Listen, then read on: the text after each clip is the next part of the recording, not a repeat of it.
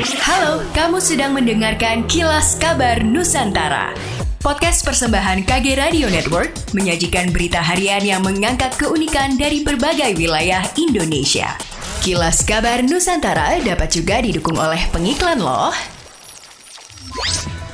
Kementerian Pertanian Republik Indonesia akan segera mendatangkan 200 ekor sapi perah di Kabupaten Goa hingga November mendatang. Langkah tersebut sebagai upaya percepatan pelaksanaan kegiatan pengembangan sapi perah yang merupakan program Kementan RI di dua desa di Kabupaten Goa.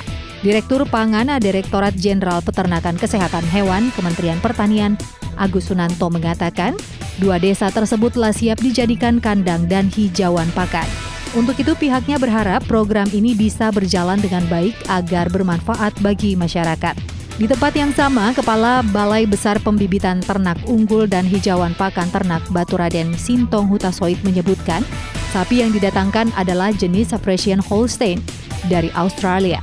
Sapi FH ini bisa menghasilkan susu 20 hingga 25 liter per hari. Demikianlah kilas kabar Nusantara petang ini.